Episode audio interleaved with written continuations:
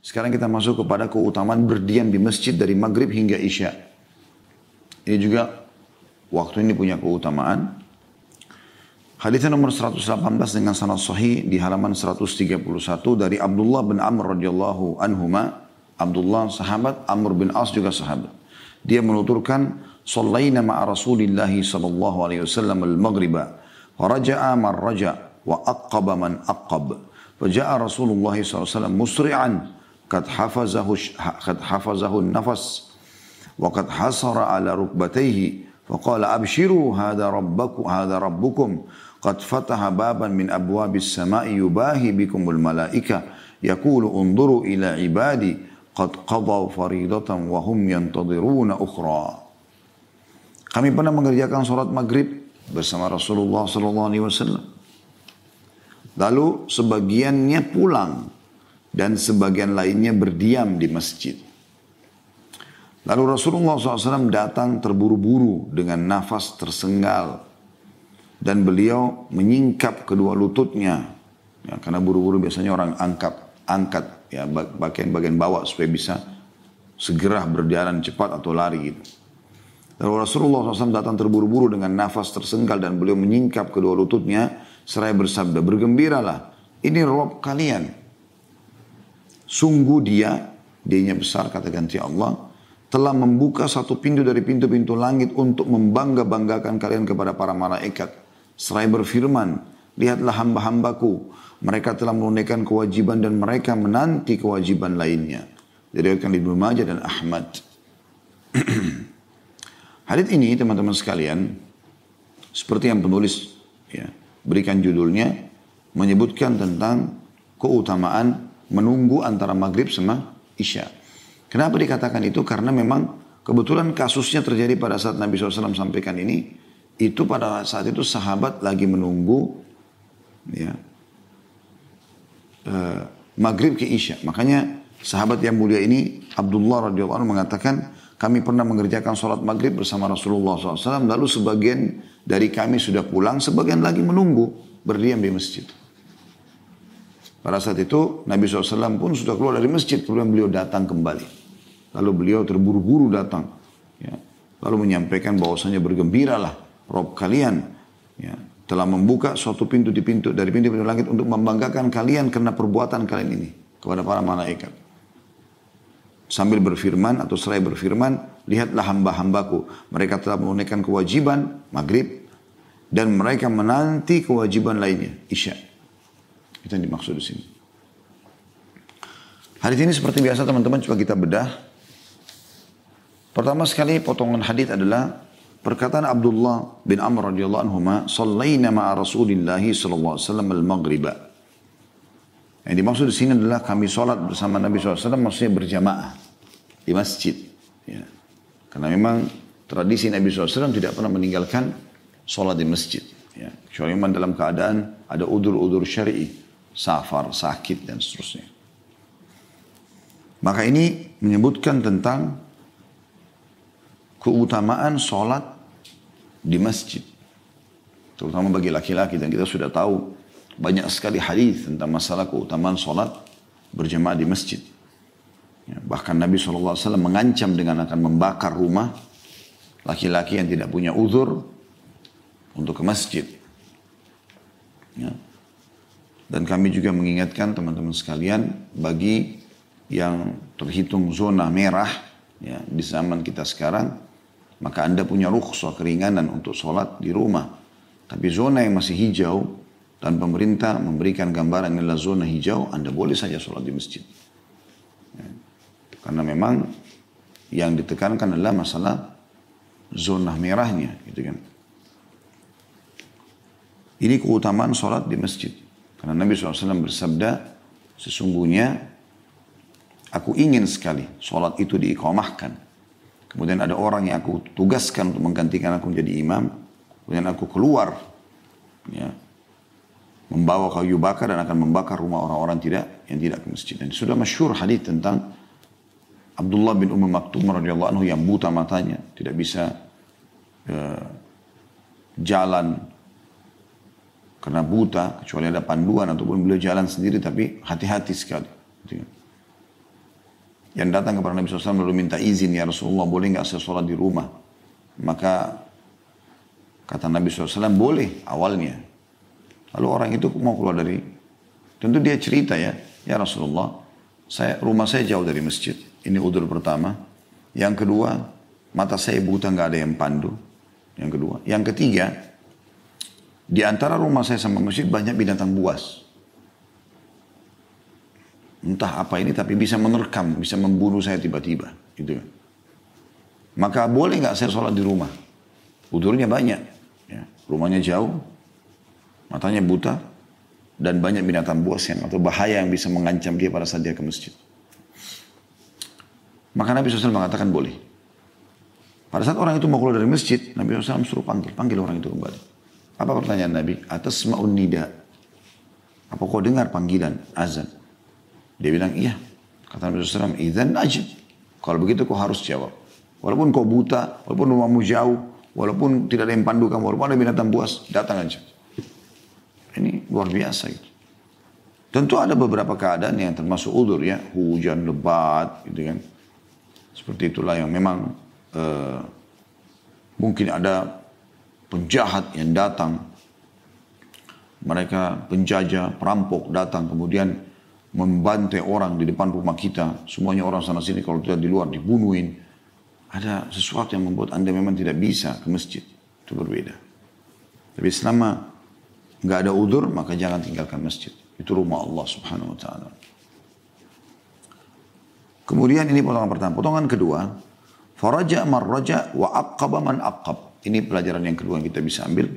Maksudnya Abdullah menggambarkan ada orang yang pulang tidak menunggu di masjid dari maghrib dan isya. Ada juga orang yang duduk menunggu. Nah, berarti di sini ada keringanan. Yang penting sholatnya. Sholat wajib itu saja. Anda datang sholat wajib. Sholat sunnah pun lebih afdal Anda kerjakan di rumah. Karena ada hadis Nabi SAW yang berbunyi. Ya, sholat itu lebih afdal dikerjakan di rumah kecuali maktuba. Kecuali sholat yang wajib lima waktu. Itu dianjurkan di masjid. Seperti itulah. Maka ini potongan kedua. Artinya yang penting setelah sholat Anda boleh pulang. Anda juga boleh nunggu di masjid. Bebas saja.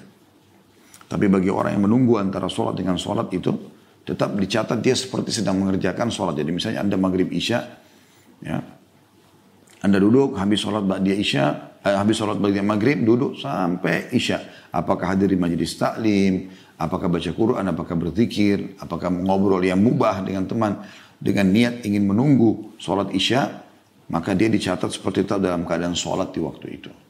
Semana hadis sahih menjelaskan itu ya. Kemudian potongan ketiga dari hadis faja'a Rasulullah SAW musri'an kad hafazahu nafas wa kad hasara an rukbatayh. Ini potongan ketiga. Maka tiba-tiba Rasulullah SAW datang kepada kami dengan terburu-buru dan dengan nafas senggal tadi.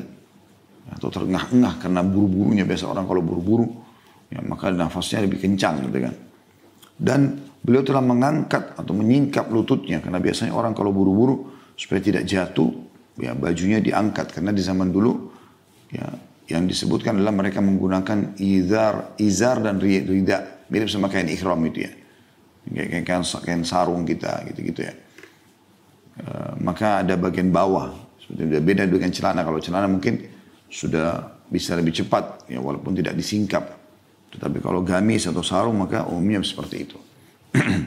Dan ini menandakan ya potongan ini memberikan pelajaran tentang pentingnya informasi yang akan disampaikan karena Nabi SAW begitu terburu-burunya.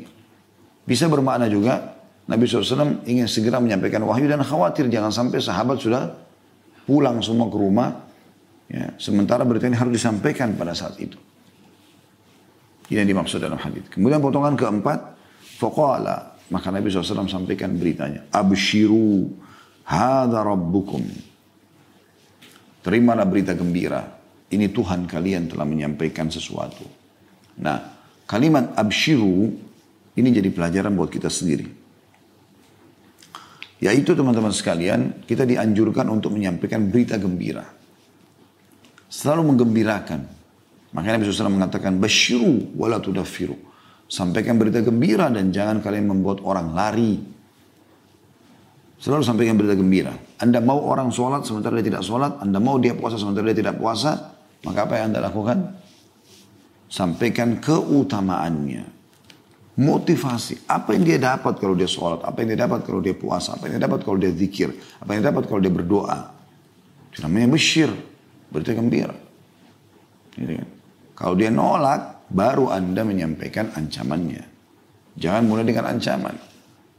Sampaikan berita gembira. Bahkan kepada berita-berita memang membahagiakan. Orang menikah, kita ucapkan selamat. Orang punya anak, kita ucapkan selamat. Dia lulus, kita ucapkan selamat. Apa saja. Bahkan orang sakit pun dianjurkan kita menyampaikan berita gembira kepada dia bahwasanya dengan ya sakit ini dosa-dosa Anda akan diampuni. Seperti itu. Ya. Maka ini bagian daripada agama kita absyiru. Terima berita gembira. Allah juga mengatakan mubasyirin. Ya. Suruh sampaikan berita gembira kepada orang beriman dengan surga dan seterusnya. Begitu juga disuruh sampaikan orang-orang munafik, orang kafir. Berita-berita tentang neraka bagi mereka. Nah, kalau kalian tetap dalam kufuran, kalian akan mendapatkan berita neraka. Dan ini maksud dengan hada rabbukum, ini Tuhan kalian, maksudnya di saat ini sekarang. Saya baru saja menerima wahyu dari Tuhan kalian. Potongan selanjutnya teman-teman sekalian, jadi potongan ketiga tadi ya. Potongan keempat sekarang. Qad fataha baban min abwabis sama'i yubahi bikumul malaika. Telah membuka pintu-pintu langit. Atau salah satu dari pintu-pintu langit. Untuk membanggakan di depan para malaikat. Ini mirip dengan hadis tentang masalah zikir. Majelis ilmu. Di mana Nabi SAW mengatakan masalah itu ya. Allah SWT berfirman hadis Qudsi, kalau hambaku mengingatku di dirinya sendiri, maka aku akan mengingatnya juga di zatku. Ya. Dan kalau dia mengingatku di depan orang-orang, maka aku pun akan menyebutkan dan membanggakan dia di hadapan yang lebih baik daripada golongan yang ada di hadapan dia itu. Maksudnya para malaikat. Dan ini menggambarkan teman-teman sekalian bagaimana Allah SWT membanggakan hamba-hambanya yang saleh dan salihah yang beramal baik, yang patuh. Ya. Salah satunya adalah di sini dikatakan, ya, potongan yang kelima, yakul. Allah berfirman. Ini juga ada penetapan sifat berbicaranya Allah SWT. Unduru ila ibadi. Lihatlah ke hamba-hambaku itu. Qad qadau faridatan wa hum yantadhiruna ukhra. Mereka telah menjalankan kewajiban dan mereka menunggu kewajiban yang selanjutnya.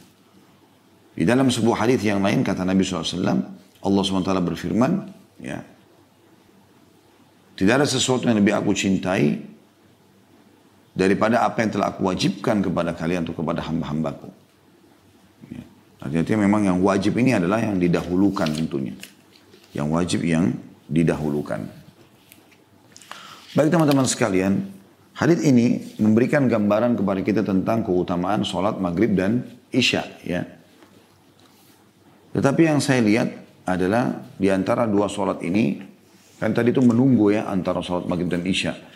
Bisa juga masuk maknanya adalah keutamaan ini masuk kepada semua waktu sholat. Jadi misalnya Anda menunggu dari duhur ke asar, asar ke maghrib, maghrib ke isya, isya ke subuh.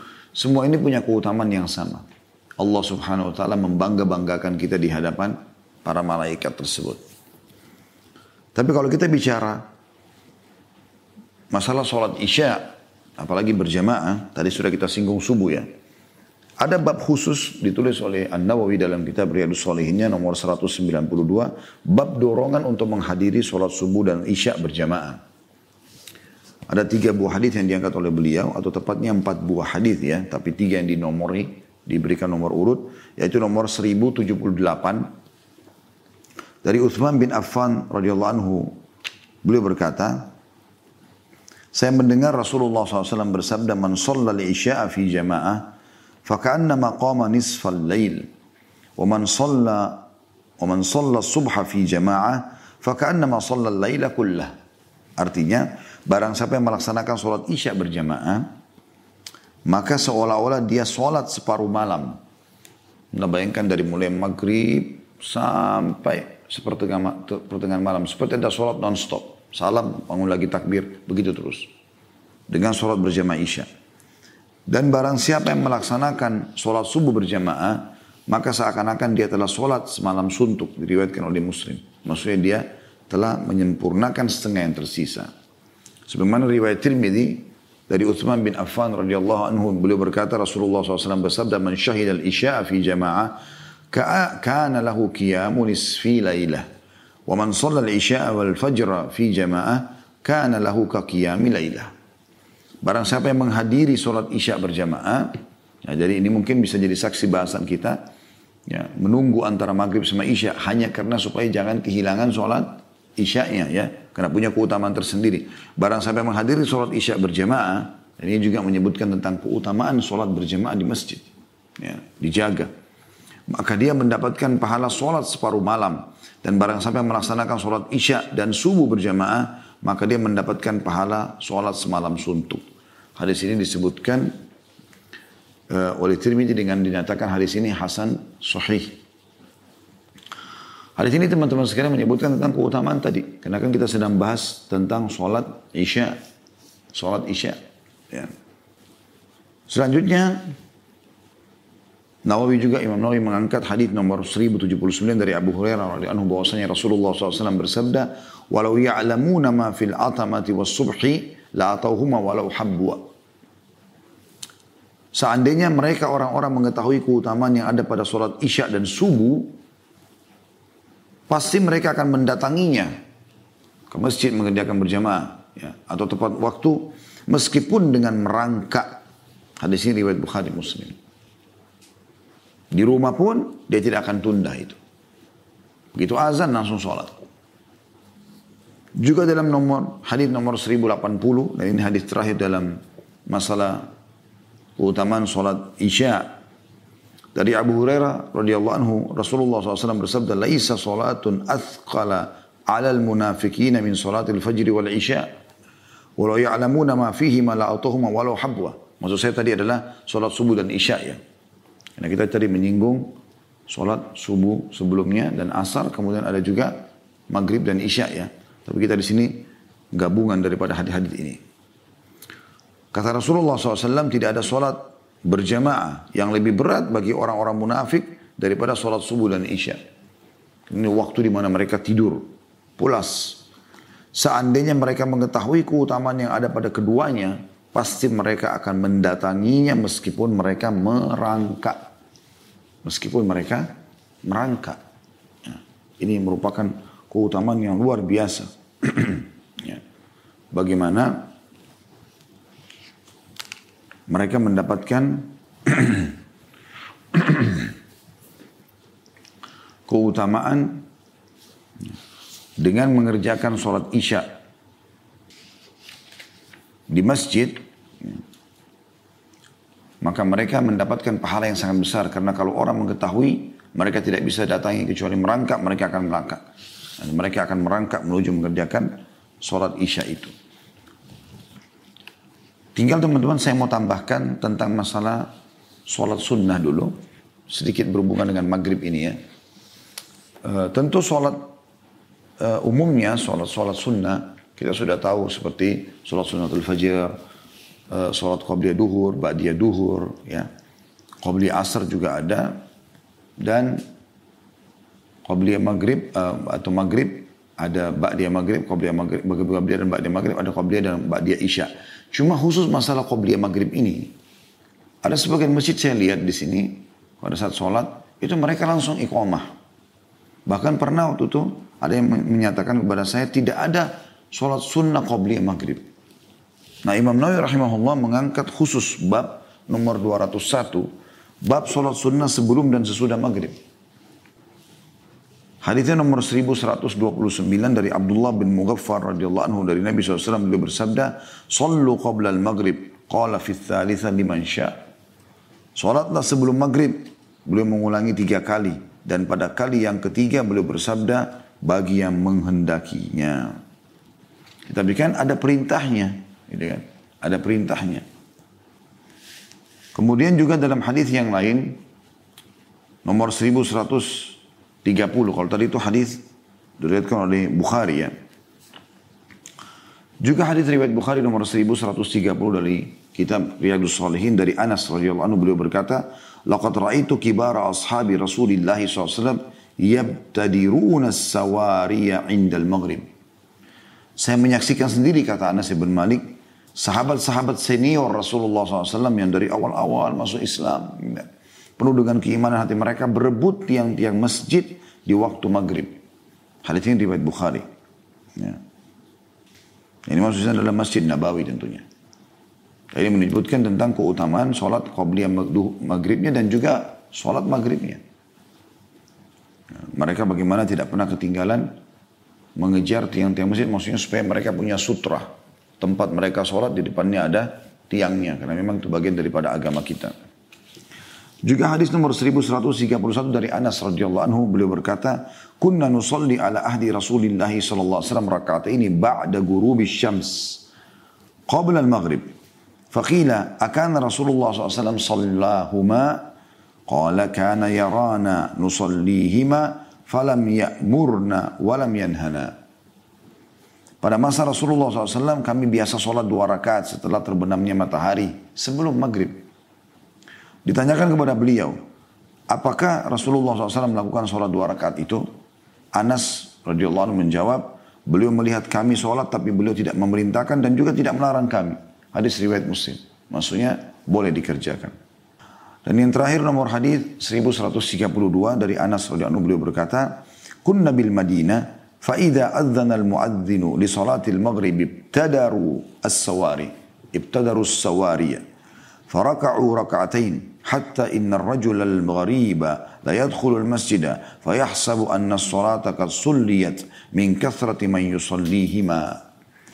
Kami di Madinah apabila muadzin telah selesai mengumandangkan azan maghrib maka orang-orang berebut tiang-tiang masjid lalu sholat dua rakaat hingga orang yang asing ya maksudnya belum biasa sholat di masjid ketika masuk masjid mengira bahwa sholat maghrib telah dimulai atau telah selesai karena banyaknya orang yang melakukan sholat dua rakaat sebelum maghrib tersebut.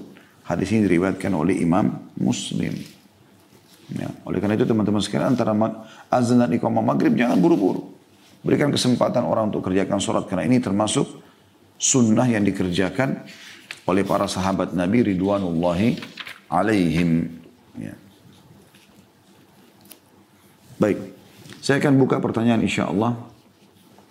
Sebenarnya ada satu bab lagi ya uh, yang semestinya saya selesaikan pada hari ini karena masih berhubungan dengan masalah sholat ya. Karena setelahnya nanti sudah bukan bahasan tentang sholat tapi tentang zikir. Maka izinkan saya menyampaikan teman-teman yaitu bab tentang perlindungan di awal hari. Hadis nomor 119 ini juga sebuah hadis saja. Sahih dari Nuaim bin Hammar al-Ghatafani radhiyallahu anhu bahwa dia mendengar Rasulullah SAW bersabda qala Allah azza wa jalla ya ibn Adam la ta'jiz an arba'ati raka'atin min awalin nahar akfika akhirah. Allah azza wa jalla berfirman wahai anak Adam janganlah merasa lemah untuk melaksanakan salat empat rakaat di awal hari. Niscaya aku mencukupimu di akhir hari. Diriwayatkan Ahmad Abu Daud dan Ibnu Hibban. Hadis ini teman-teman yang saya tahu ya, sebatas ilmu saya ada dua pendapat, ada yang mengatakan yang dimaksud di sini adalah empat rakaat di awal hari atau di awal pagi adalah sunnatul fajr, sholat dua rakaat antara azan dan iqamah subuh yang kata Nabi SAW dalam hadis lain rakaatai fajr khairu minad dunya wa ma. Dua rakaat fajr lebih baik daripada dunia dan seluruh isinya. Dan sholat subuhnya sendiri yang sudah kita sebutkan panjang lebar tentang keutamaannya. Ada juga yang mengatakan ini dan sebagian ulama masukkan dalam bab keutamaan sholat duha. Bab keutamaan sholat duha. Karena yang dimaksud dengan empat rakaat di sini adalah empat rakaat di awal hari adalah sholat duha. Jadi saya akan coba menyebutkan tentang, karena subuh tadi sudah kita sebutkan keutamaannya, maka kita akan sebutkan tentang masalah sholat duha itu sendiri. Saya kembali ke kitab Riyadus Salihin karena saya melihat kitab ini termasuk kitab yang sangat lengkap membahas tentang keutamaan-keutamaan ya dan juga simple, mudah gitu. Di bab nomor 206 disebutkan bab keutamaan sholat duha. Hadis nomor 1146 dari Abu Hurairah radhiyallahu anhu beliau bersabda, beliau berkata, ma, beliau berkata, "Ausani khalili sallallahu alaihi wasallam bi siyami thalathati ayyam min kulli syahr wa rak'atay duha wa an utira qabla an arqud." Kekasihku Rasulullah SAW mewasiatkan kepadaku agar berpuasa tiga hari dalam setiap bulan. Puasa Iyamul Bid yang masyhur. 13, 14, 15 tentunya dari setiap bulan. Kalau tidak bisa boleh tanggal berapa saja tapi berurut. Usahakan berurut ya. Sholat dua, dan juga sholat dua rakaat duha.